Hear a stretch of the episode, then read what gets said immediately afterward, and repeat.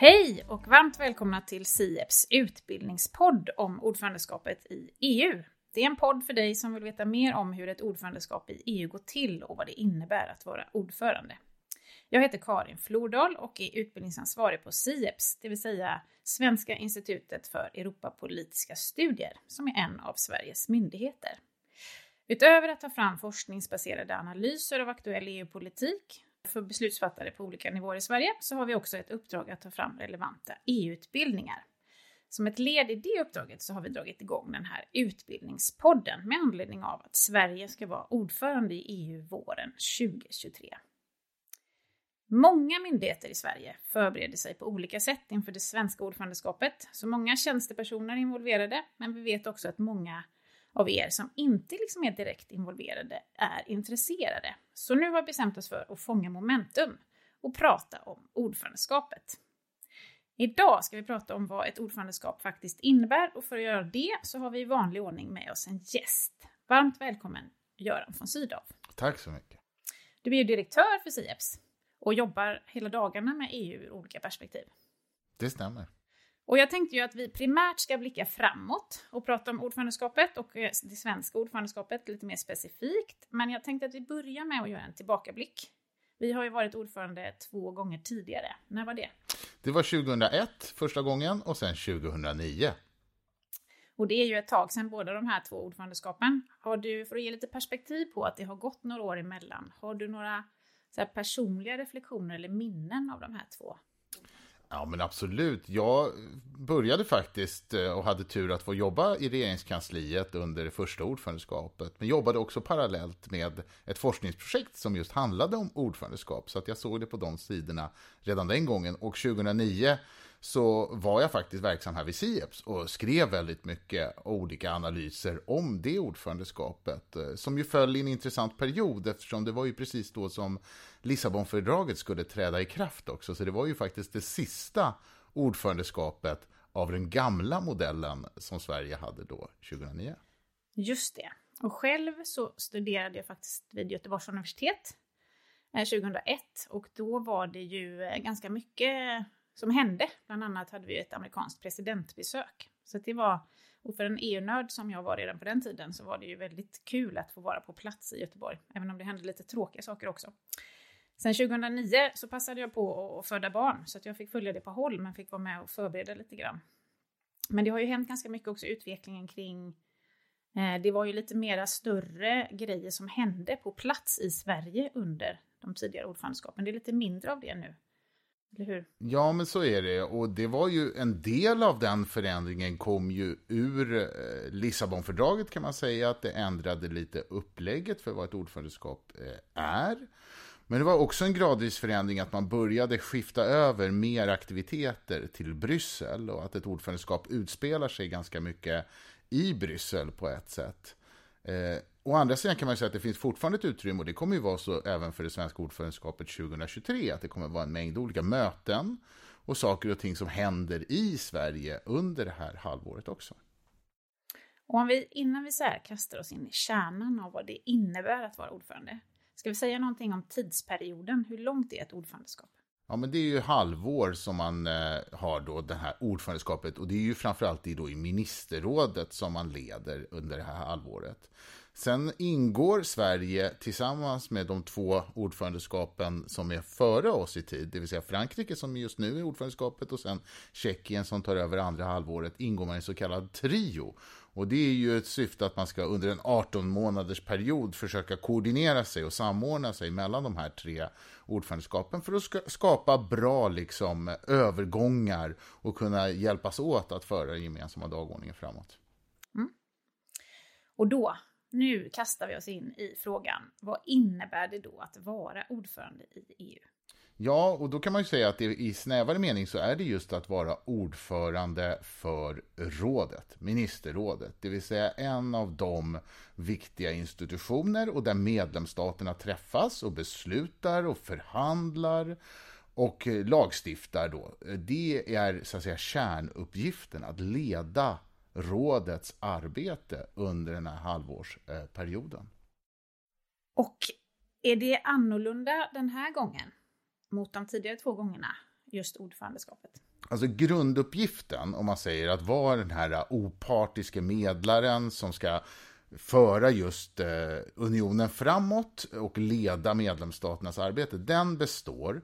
Men sen är det ju, kom det ju ett par ändringar genom just att Lissabonfördraget trädde i kraft. Vi fick ju lite nya roller på EU-nivå. Dels så kom det ju en ny funktion som det som heter den eh, permanenta ordföranden för Europeiska rådet, det vill säga där stats och regeringscheferna träffas.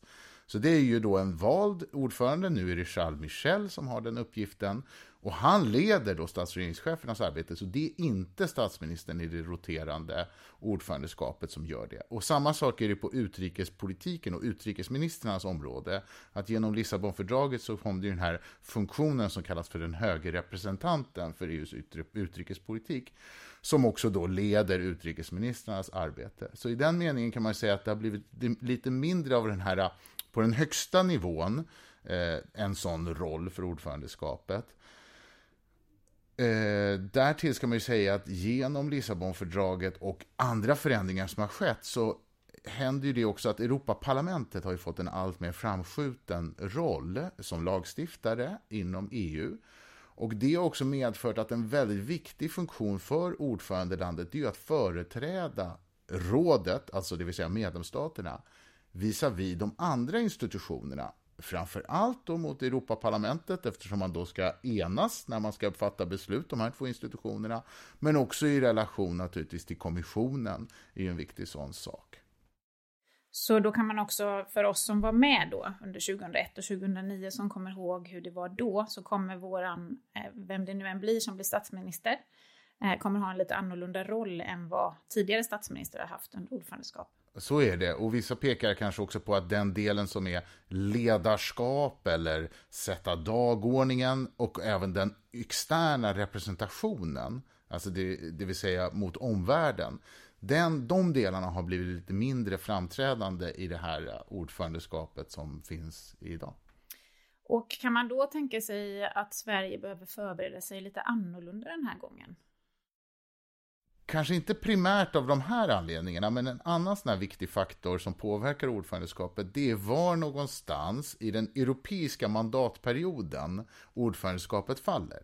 Det vill säga hur långt har kommissionen suttit vid makten och hur långt har man kvar? Det påverkar vilken typ av fokus det blir under ordförandeskapet. Om man tänker tillbaka till exempel på 2009 års ordförandeskap, då hade det precis varit ett Europaparlamentsval och en ny kommission skulle tillträda. Det betyder att det inte fanns vansinnigt mycket lagstiftning som var redan färdig för slutförhandling. Det är då en skillnad mot den här gången 2023 för då har vi passerat över den halva mandatperioden för den här kommissionen och även det här Europaparlamentet. Och det gör att den förväntan som många har inför det svenska ordförandeskapet 2023, det är att det kommer behöva ägna sig väldigt mycket åt svåra, antagligen, slutförhandlingar för att nå i mål med en rad av de väldigt omfattande förslag som ligger redan nu på bordet. Så att ordförandeskapets roll är väldigt mycket betingat av vad som finns redan som pågående processer inom EU. Så det blir annorlunda på det sättet, att vi befinner oss i en annan process nu då helt enkelt? Det blir annorlunda på det sättet och kanske lite just att man i det gamla ordförandeskapet så pratade man ganska mycket om den här dagordningsmakten, att förmågan att liksom placera frågor på dagordningen och driva dem framåt, sätta sin prägel på den här sex månadersperioden. I någon mening så har man liksom tonat ner det här lite och snarare ser det som att ordförandeskapets huvudsakliga övergripande uppgift är just att leda unionens arbete framåt. Därmed ska inte sägas att ordförandeskapet inte har möjligheter att påverka. Jag menar, allt från det liksom mer tekniska, de små sakerna, det vill säga hur man lägger upp förhandlingar, sköter dem, planerar dagordningen i konkret mening, men naturligtvis också finns det finns också ett utrymme för att sätta sin prägel, sätta fokus på vissa frågor. Och det gäller inte minst kanske det som inte är Eh, de formella mötena som man leder, utan det finns ju också informella möten som är typiskt sånt kontext där man kanske kan lyfta en viss tematik eller eh, välja att placera en typ av problemställning på den gemensamma dagordningen. Och kan man också säga, jag tänker så här, nu är vi ju 27 medlemsstater och Sverige är ordförande under ett halvår då blir ju Sverige ändå väldigt mycket i fokus då, om det är vi som är ordförande i ministerrådets olika eh, nivåer. Eh, att, att ögonen riktas ändå på oss, så att det också är ett, man kan fånga momentum då när man har allas uppmärksamhet. Absolut, så att även om normen är den här att man ska vara den här neutrala medlaren, det vill säga ordförandeskapsperioden, det är inte den period då man kan framföra starka nationella intressen eller ståndpunkter. Men i och med just att man blir en så central aktör som alla andra kommer vilja söka kontakt med, man kommer vilja få prata med eller få tillträde till. Det gör ju också att du får en, en, en position där du har ett, ofta ett informationsövertag men också väldigt många kontakter som du som ordförandeland kanske inte under den perioden kan utnyttja allra mest. Men det är ju någonting som är ett värde som man har med sig framöver sen istället, som man kan då växla in till inflytande över tid inom EU. Och apropå det här med utbildningar om och inför ordförandeskapet så har vi ju flera utbildningar, vi på SIEPS, och då har vi ju nu under innevarande år träffat ganska många myndigheter och pratat om förberedelserna. Och då lyfts ofta det här begreppet att det är Brysselbaserat. Kan du säga någonting om det? Vad innebär det? Ja, den, eh, det är ju så att eh, representationen i Bryssel är ju den som i huvudsak utför mycket av arbetet, det praktiska arbetet. Och det är ju en väldigt viktig då roll som, eh, eftersom den är så nära där det händer, så är det ju väldigt viktigt att de har en väldigt viktig funktion i att faktiskt eh, leda det här arbetet. Man kan detaljerna, man har kontakterna. Så att det är ju viktigt för ett ordförandeland att ha en bra då, tror jag att liksom styråran här är väl att ha ett, ge Brysselrepresentationen ett gott utrymme och en god bemanning som man ju gör nu, förstärker den mycket. Men också ha en väldigt god och tät kontakt tillbaks till huvudstaden. Men att väldigt mycket av det konkreta arbetet naturligtvis utförs och sker i Bryssel. Och representationen är alltså då Sveriges största utlandsmyndighet där alla departement har utsända tjänstepersoner för att stötta upp just och arbeta i ministerrådet. Eh, vi nämnde tidigare Lissabonfördraget några gånger. Ska vi säga några ord om vad, vad, vad är det för någonting?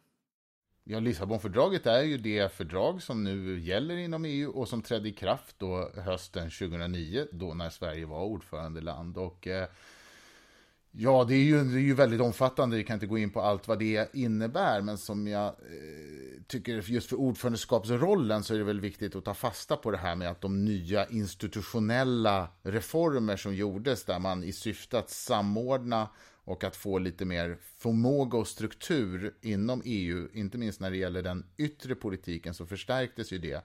Och det gjordes på bekostnad kan man ju säga av det roterande ordförandeskapet. Så det har liksom blivit en lite mindre roll i eh, de frågorna för, eh, för det land som har ordförandeskapet. Mm.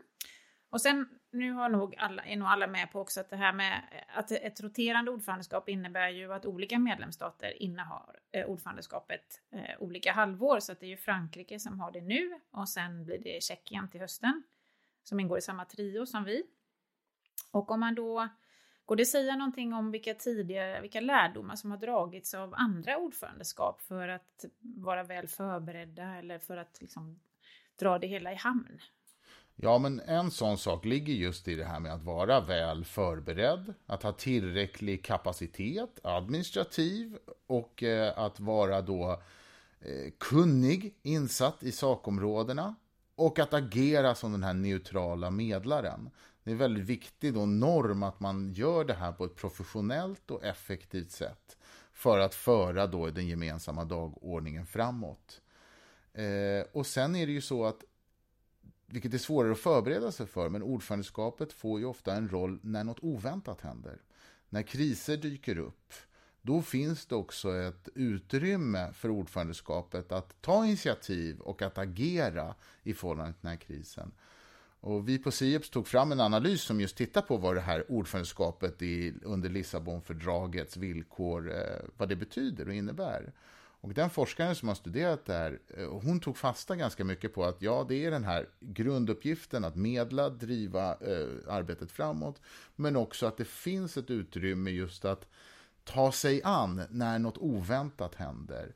Och ordförandeskapets handlingsutrymme när en kris eller något oväntat händer, ja, den betingas ganska ofta av vad det är för typ av kris. Alltså om den berör medlemsstaterna på ett likartat sätt eller på ett olikartat sätt. Ju mer liksom likartat det är, desto större utrymme har ordförandeskapet till att vara lite då entreprenöriell och ta nya steg och initiativ och föra EU framåt. Det kan man ju se i bara de senaste åren. Olika ja. typ pandemin. Eh, Brexit var något helt annat än pandemin och nu har vi ett krig. Precis. Men då är det ju viktigt också, det, dels, det svåra är ju så att säga, man vet ju inte vad det här är, vad, vad, vilka kriser som kommer. Det är ganska svårt att förutsäga. Och sen är det ju så att en kris kan också påverka ett väldigt välförberett ordförandeskap som har tänkt sig och haft idéer om precis hur man ska göra. Och så störs det här väldigt mycket av att något oväntat händer. Och då är det ju en utmaning att liksom hålla uppe takten i det här vanliga arbetet som man hade planerat sig, samtidigt som man försöker hantera en, en svår, uppkom, svår och nyuppkommen situation. Tack så mycket Göran. Eh, det här med att vara förberedd på det oväntade är någonting som vi ska återkomma till i övriga avsnitt. Och så mycket annat. Eh, men eh, nu hoppas jag också att ni som lyssnar och som kanske arbetar på myndighet, kommun, region eller någon annan arbetsplats och som sitter nu och funderar på någonting som vi har pratat om som relaterat till ordförandeskap i EU och som vi borde prata mer om i kommande avsnitt. Då vill vi gärna att ni hör av er. Ni kan eh, hitta mina kontaktuppgifter, karin.flordal.sieps.se på vår hemsida och där kan ni också hitta våra publikationer som Göran nämnde en av. Eh, www.sieps.se. Tack för idag och på snart återhörande.